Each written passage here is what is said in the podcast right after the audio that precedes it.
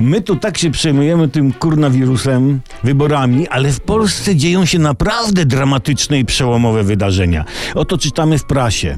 Skandal w M jak miłość. Syn Hanki, kumacie, ta, która zginęła w zdarzeniu z kartonami, weźmie tajny ślub w odcinku zaplanowanym na 21 kwietnia. I skubany nie powie rodzinie ani słowa.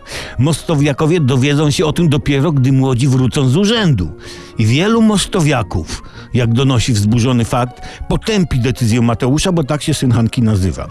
Według nich powinien on zająć się nauką, a nie zakładać rodzinę. Tajny ślub odbędzie się dopiero 21 kwietnia, jak mówiliśmy, a więc jest czas na działanie. Apeluję do mostowiaków.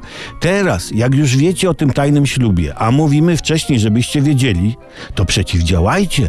Nie wiem, rzućcie Mateuszowi pudełko, kiedy będzie szedł ulicą. Może się potknie i zginie. Nie wiem, nakasłajcie na niego, gość pójdzie na kwarantannę. Albo też całkiem inaczej. Wbijcie na ślub, nie wygonią. Lub też zaakceptujcie wybór Mateusza. Udawajcie, że o niczym nie wiecie, nie młodzi wracają z USC, a wy krzyczycie surprise! W pokoju stół zastawiony wędliną, coś tam ze świąt zostało, nie? Wudencja, rosół, zrazy zwijane czy coś. Obowiązkowo sałatka jarzynowa, tak zwana awanturka na zgodę. Czy tajny ślub podzieli słynną rodzinę? Pyta dramatycz w dramatycznym tonie gazeta. Jeśli mostowiakowie zrobią tak, jak mówię, to nie. Mamy na głowie, słuchajcie, epidemię.